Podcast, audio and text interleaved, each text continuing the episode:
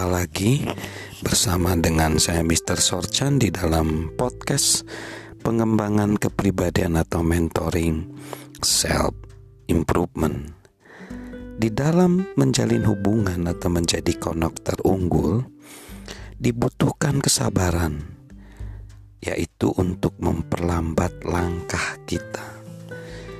Di dalam kehidupan saat ini orang disebut budaya tidak sabar karena memberi makanan uh, harus lewat drive to minuman instan, makanan instan dan segala macam. Orang menjadi terburu-buru.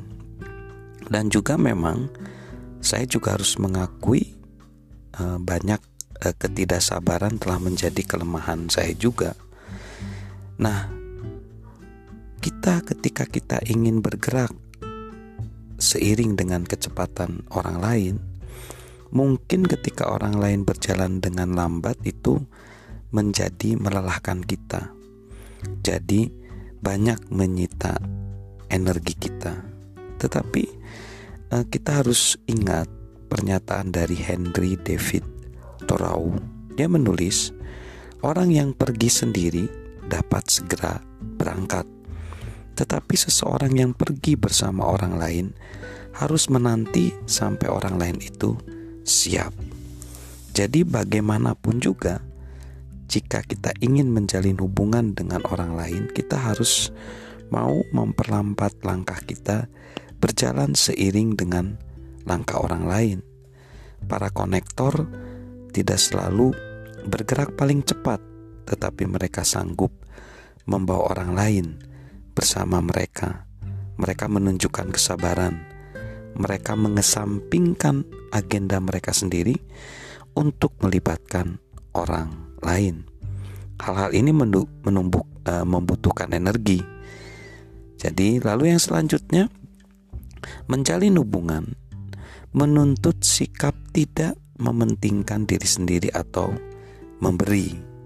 Ya, menjadi seorang pemberi itu menuntut energi dan itu tidak selalu mudah, khususnya dalam situasi-situasi yang menekan.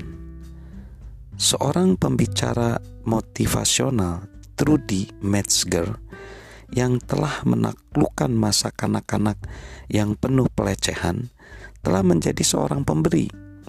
Bagaimanapun, ia masih mengalami kesulitan untuk memelihara pola pikir seorang pemberi saat berhadapan dengan beberapa orang yang berhubungan dengan masa lalunya yang menyakitkan. Ia terkadang menjadi defensif dan berusaha mengendalikan situasi jika ia merasa lemah. Ia menyadari bahwa ketika itu terjadi, ia berubah dari seorang pemberi menjadi penerima. Trudy berkata, "Sementara memberi itu membutuhkan energi. Saya harus mengatakan bahwa dalam situasi-situasi di mana saya menjadi seorang penerima, membuat batin saya sepenuhnya kering dan mati. Menjadi seorang pemberi mendatangkan kehidupan, seperti menyirami sebuah tanaman supaya bertumbuh. Tetapi menjadi seorang penerima adalah seperti menghisap air dan zat-zat gizi dari tanah, membuat tanaman dan tanah itu menjadi kosong dan tidak berguna. Menjadi seorang pemberi dapat menyedot banyak energi, namun mungkin saja menghindarkan diri dari menjalin hubungan dengan orang lain membutuhkan energi yang lebih besar. Ed Higgin berkata, saya menggunakan lebih banyak energi untuk menghindarkan diri dari menjalin hubungan karena saya cenderung extrovert dan merasa terpuruk olehnya. Saya segera sadar bahwa mungkin energi yang digunakan untuk tidak menjalin hubungan jauh lebih besar daripada energi yang digunakan untuk menjalin hubungan.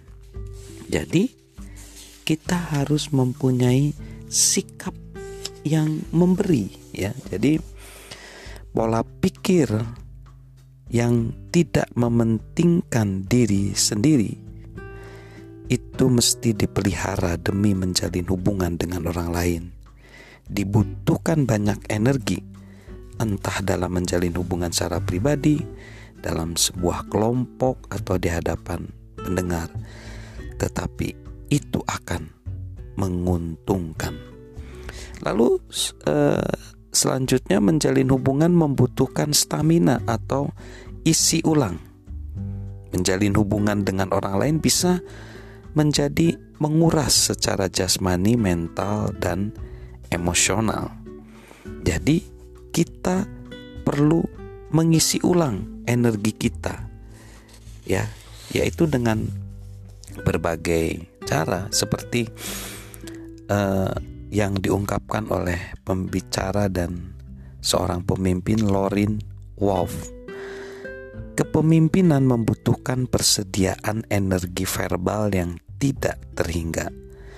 Bekerja melalui telepon, tetap fokus pada pesan Anda dan mengulangnya sampai tidak dapat tahan mendengar suara Anda sendiri dan kemudian mengulanginya lagi.